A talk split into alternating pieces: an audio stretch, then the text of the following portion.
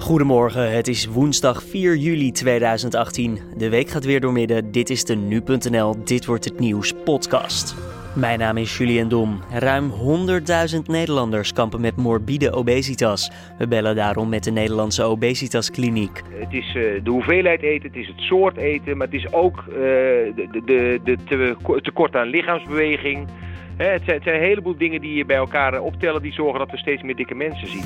En een regionale informatiebijeenkomst over kerncentrales Doel en Tihange. Die vindt vanavond plaats in Bergen op Zoom.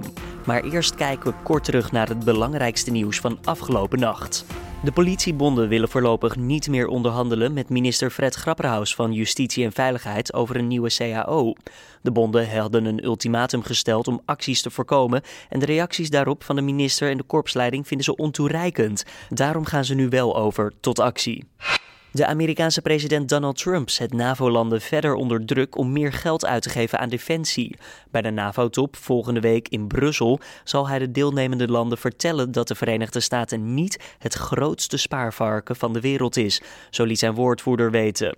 Trump heeft al enkele landen een brief gestuurd waarin staat dat landen zich moeten inzetten om de defensieuitgaven te verhogen tot 2% van het bruto binnenlands product. Nederland zat vorig jaar op net iets meer dan 1,1%, dus nog ver onder de eis van Trump. De Britse politie heeft alarm geslagen in het Engelse Amesbury nadat een onbekende stof twee mensen in het ziekenhuis heeft doen belanden. Delen van het plaatsje en het nabijgelegen Salisbury, waar de man en vrouw zijn geweest, zijn afgezet. Aanvankelijk dacht de politie dat het om een vervuilde druk ging, maar nu houdt het ook rekening met een misdaad. In Salisbury werd begin maart een aanslag gepleegd met zenuwgas op ex-spion Sergei Skripal en zijn dochter Julia. Sporen van het gif waren in april nog altijd aanwezig in het stadje. Dan kijken we naar de nieuwsagenda van deze woensdag 4 juli, oftewel dit wordt het nieuws. Obesitas is een groot probleem in Nederland. Van alle volwassenen in ons land leidt 1% aan morbide obesitas, de ergst mogelijke vorm. Dat meldt het Centraal Bureau voor de Statistiek samen met het RIVM. We praten over obesitas met chirurg René Wieser van de Nederlandse Obesitaskliniek. Wanneer schuiven we van de term een beetje overgewicht naar obesitas? Um, nou, dat heeft allemaal te maken met de BMI, de Body Mass Index, wat een manier is om zeg maar, de verhouding tussen je lengte en je gewicht te bepalen. En de normale BMI van mensen is tussen de 20 en de 25. Overgewicht heb je als je een BMI van 30 hebt. Dus, dus een beetje overgewicht is tussen de, zou je ze kunnen zeggen, tussen de 25 en de 30. En als je dan praat over echt extreem overgewicht, heb je een body mass index van boven de 40. Boven de 40. En kan je je BMI zelf thuis ook ja, onderzoeken, nagaan? Ja, dat kan je doen. Je zou dan uh, je gewicht in kilogram moeten delen door je lengte in het kwadraat. En die lengte moet dan in meters. Dus zeg maar dat je als je 80 kilo bent, schrijf je boven de streep 80. Onder de streep zeg je dan 1,8 meter. En doe je 1,8 keer 1,8. Dat is onder de streep en die deel je door elkaar en dan heb je je body mass index. Oké, nou ik denk dat we het thuis allemaal eventjes moeten doen. Zeg, uh, als we dan uh, ja, nou, boven de 40 uitkomen, dan hebben we dus echt zware obesitas. Kunnen we dat uh, eigenlijk, hadden we dat kunnen voorkomen? Of is het iets wat je, ja, wat je bent aangeboren? Nou, je hebt het niet aangeboren, maar het is wel iets wat we steeds meer en meer zien. En uh, ja, hadden we dat kunnen voorkomen? Dat is, dat is een goede vraag. Dan kun je op twee manieren naar kijken. Je kan kijken, kan je, had je dat zelf kunnen voorkomen? Of moeten we in de maatschappij dingen anders inrichten, zodat we dit niet meer uh, wat minder gaan zien, zeg maar? Ja, wat komen we erop neer dat het gewoon vooral eten is? Nou ja, het is, het is, het is alles bij elkaar. Het is, het is, uh, het is uh, de hoeveelheid eten, het is het soort eten, maar het is ook uh, de, de, de te, tekort aan lichaamsbeweging. Het, zijn, een heleboel dingen die je bij elkaar optellen die zorgen dat we steeds meer dikke mensen zien. U, werkt bij de Nederlandse Obesitaskliniek. Daar komen natuurlijk vanzelfsprekend veel mensen met obesitas langs. Hebben die mensen zelf door dat ze ja, zo ver zijn gekomen als het ware? Dat ze zo zwaar zijn geworden? Ja, nou, kijk, deze, deze, deze groep mensen die wij zien, ik werk bij de Nederlandse Obesitaskliniek en met Sint-Antonius ziekenhuis in Nieuwegein. Uh, die mensen die zijn al zo ongelooflijk lang bezig met de strijd tegen hun overgewicht. Hè. Als je een body mass index van 40 hebt, dat heb je niet binnen, binnen een paar weken of een paar maanden gekregen. En die hebben alles al gedaan. Die zijn al diëtisten geweest, die hebben al bewegingsdeskundigen gesproken vaak. Die hebben allerlei dingen geprobeerd. En uiteindelijk is deze groep, uh, die, die redt het gewoon niet meer zonder een hulpmiddel als een operatie. Hè. Dus, maar dit zijn mensen waarbij het echt het laatste hulpmiddel is om, om, om alsnog zo'n stap te maken om uiteindelijk tot een wat gezonder gewicht te komen. Maar waar gaat het dan fout? Nou, dat is een hele goeie. Dat, dat, is natuurlijk in de loop van de jaren gaat het mis uh, op heel veel manieren. Kijk, het is, kijk, kijk naar gewoon wat er gemiddeld gebeurt. S'avonds laat. Hoeveel mensen gaan s'avonds laat nog een half uurtje naar buiten? De meeste mensen blijven voor de buis zitten. Als, je, als je s ochtends begint en we zijn allemaal gehaast, dus je hebt geen tijd om te ontbijten. Daarom even een snelle, wat ongezondere snack. En zo zijn er legio van voorbeelden waar, uh, waar geleidelijk aan dingen misgaan. Maar dan kom je toch geen ja, tientallen kilo's aan, zou ik zeggen. Dit, dit, dit moet toch ook ergens anders zitten? Uh, dan kom je in heel. Nou, kijk, er zijn ook wel mensen die gewoon ongezonde keuzes maken. Hè? Je kan natuurlijk gewoon een bruine boterham meenemen naar je werk. Of je kan gewoon even de, de lunchroom ingaan en een kroketje pakken. Weet je, dat, natuurlijk, het, is, het gaat niet allemaal vanzelf. Hè? Dus, ik ben het met u eens. Er zijn ongetwijfeld er, is er een percentage mensen dat gewoon niet de juiste keuzes maakt. Maar het is gebleken dat als je dat probeert allemaal goed te zetten. En als je probeert dat met, met, met voedingsdeskundigen, met, uh, met, met gezinstherapeuten. Als je al die keuzes probeert te maken. Dat het toch nog steeds heel lastig is op, op de lange termijn te zorgen dat mensen weer naar een normaal gewicht gaan. En dan praten we dus over opereren uiteindelijk bij de ja, heftig, heftigste ingreep. Uh, wat gaat er dan gebeuren? Zijn het meerdere, meerdere operaties of ja, hoe zien we dat voor ons? Nou, we hebben, we hebben we hebben wel verschillende soorten operaties die we doen. We hebben in het, uh, een aantal jaar geleden, tien jaar geleden, heel veel maagbanden geplaatst. Maar daar zijn we een beetje van teruggekomen. aan dat het effect niet goed genoeg is in B, omdat er toch wel wat problemen bij die maagband ontstonden. En wat we nou tegenwoordig het meest doen, zijn de maagverkleinende ingrepen. En ja, er zijn meerdere soorten van. De belangrijkste twee zijn eigenlijk de gastric bypass, waarbij je de maag klein maakt en ook een soort omleiding maakt. En de sleeve gastrectomie, en dat is eigenlijk alleen een stuk van de maag afhalen, waardoor de maag een stuk kleiner wordt. Dat Daardoor krijg je sneller het gevoel dat je vol zit. Ja, onder andere. Het is, eh, het is een, uh, een van de belangrijkste dingen is die maag gewoon een stuk kleiner is en dat je dus minder kan eten. En dat je ook de manier van eten echt zult moeten aanpassen. Je kan niet meer zeggen, nou ik eet twee of drie keer een flinke maaltijd. Je zal er veel structureler over de hele dag mee om moeten gaan. En de andere kant is dat je nog een heel stuk wat we helemaal niet goed begrijpen, maar er verandert ook een heleboel van binnen. De, nieuwe hormonen, huishouding in je darmen. Het zijn dus veel meer andere redenen nog waarom zo'n maagverkleining zo goed werkt. En dan na zo'n operatie ben je er dus nog maanden, zo niet misschien wel jaren mee bezig? Nou, zo'n operatie heb je voor life. Hè. Die maag wordt nooit meer groter. Uh, je gaat echt nog wel ietsjes wennen aan de nieuwe situatie. Maar je zal de rest van je leven zal je op een andere manier met eten om moeten gaan. Dus het is, het is niet iets lichtzinnigs of iets heel eenvoudigs wat je doet. Het is echt iets wat je voor de rest van je leven uh, zal, ja, bij, bij, je zal dragen, zeg maar. Eh, dan nog even naar de overheid. Is er een taak weggelegd voor de overheid om in te grijpen? Zoals dat bijvoorbeeld gebeurt met roken? campagnes, heffingen of iets in die geest? Ja, nou dat denk ik dat er een enorme taak is weggelegd voor de overheid. Hè. Bedoel, dat, wat wij doen is, en we staan helemaal aan het einde. Als er echt niks meer helpt, dan, dan zou zo'n operatie kunnen gebeuren. Maar we moeten natuurlijk gewoon eigenlijk helemaal aan het begin staan. We moeten zorgen dat kinderen minder dik worden, dat ze meer beweging hebben. We moeten zorgen dat de verleidingen verder weg zijn. Hè. Wat je nou hoort, volgens mij vandaag of gisteren hebben een aantal supermarkten weer aangegeven dat ze energy drinks niet aan jonge kinderen gaan verkopen. Dat, dat supermarkten uh, of snoepwinkeltjes niet, niet dicht bij school mogen staan. Dat sport geenthousiasmeerd wordt. Hè. Er zijn natuurlijk zo ongelooflijk veel dingen die we, die we beter kunnen doen en waar we de verleidingen uh, kunnen tegengaan. Want daar gaat het natuurlijk uiteindelijk om. En ik denk inderdaad dat je, dat, dat je de parallel met roken en zorgen dat dat, uh, dat, dat niet meer verkrijgbaar is, uh, dat je dat inderdaad zou kunnen doen. Nou, het ligt altijd heel erg gevoelig, hè, want mensen hebben ook een eigen autonomie, willen eigen keuzes kunnen maken. En toch denk ik dat je die, je hoeft die autonomie niet weg te halen, maar je moet er wel zorgen dat je er niet direct tegenaan rijdt, zeg maar. René Wieser, chirurg bij de Nederlandse Obesitaskliniek hoorde je. Meer over dit onderwerp in ons artikel op nu.nl en de link vind je in de beschrijving van deze podcast. Met regelmaat wordt de veiligheid van de Belgische kerncentrale Doel en Tihange besproken. In de regio gaan er stemmen op van omwonenden om de centrales te sluiten, maar de Belgische overheid zal pas in 2025 alles dichtgooien. Vanavond vindt er in Bergen op Zoom een regionale informatiebijeenkomst plaats.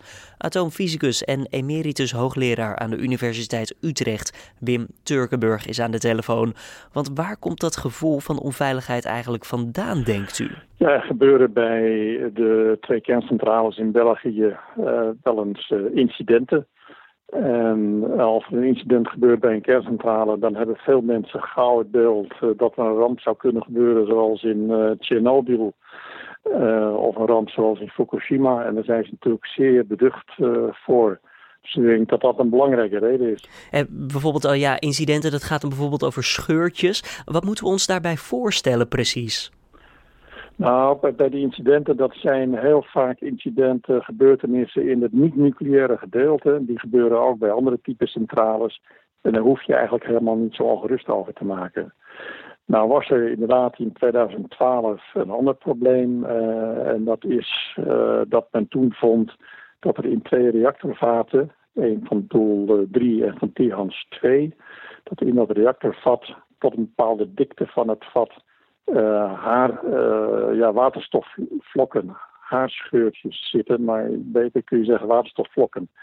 En dat zou dan het materiaal zeg maar minder, ja, minder sterk maken. En dus heb je kans, uh, was de vrees, dat iets mis zou kunnen gaan. Is dat probleem dan uitvergroot op zo'n moment? Is het eigenlijk een kleinschalig iets waar in de media met groot geweld over wordt geschreven? Nou, dat was wel een serieus probleem. Dus de kerncentrales, de twee bepaalde, de twee reactoren waar het over ging, die moesten ook worden stilgelegd door de waakhond. Vank heet die in België. Ja. En die vond dat alles ontzettend goed onderzocht moet worden van wat is de reden van die scheurtjes. En wat voor effect kan het op langere termijn hebben? Kunnen die scheurtjes zich verder ontwikkelen? En toen men erachter kwam dat die scheurtjes er al eigenlijk al van helemaal vanaf het begin uh, dat de reactor ging draaien, dus vanuit 19, vanaf ongeveer 1975 en 1985, uh, dat ze er toen al waren. En men er ook achter kwam dat die scheurtjes zich niet, verder ontwikkelen. Ja, toen heeft men gezegd, oké, het is verantwoord om ze toch door te laten draaien, deze reactoren.